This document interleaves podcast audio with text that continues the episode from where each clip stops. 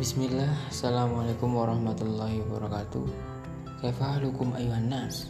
Semoga kalian selalu berada dalam keamanan, kenyamanan, dan ketentraman Meskipun wabah corona sedang melanda Semoga kesabaran dan semua amal perbuatan kita diterima di sisi Allah Ta'ala meskipun kita berada di rumah saja.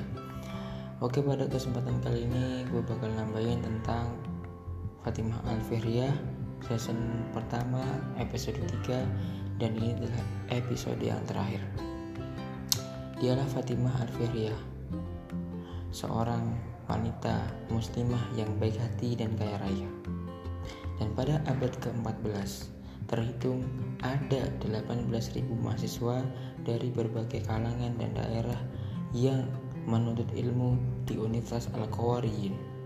Al-Qawariyin ini tidak hanya mengajarkan ilmu agama saja, tetapi ilmu matematika, sastra, astronomi, dan bahkan ilmu-ilmu yang lain. Beberapa ilmuwan hebat seperti Ibnu Khaldun, sejarawan Tunisia yang dianggap pendiri sosiologi, historiografi, dan ekonomi modern, juga seorang diplomat Leo Africanus, penjelajah terkenal dan penulis deskripsi tentang Afrika.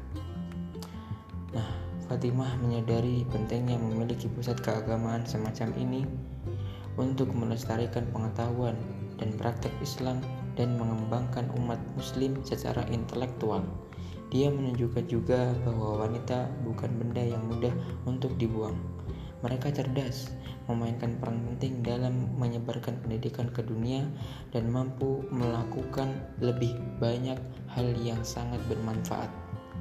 Jadi, itulah kesimpulannya sedikit kesimpulan cukup sekian dari saya. Semoga bermanfaat. Terima kasih.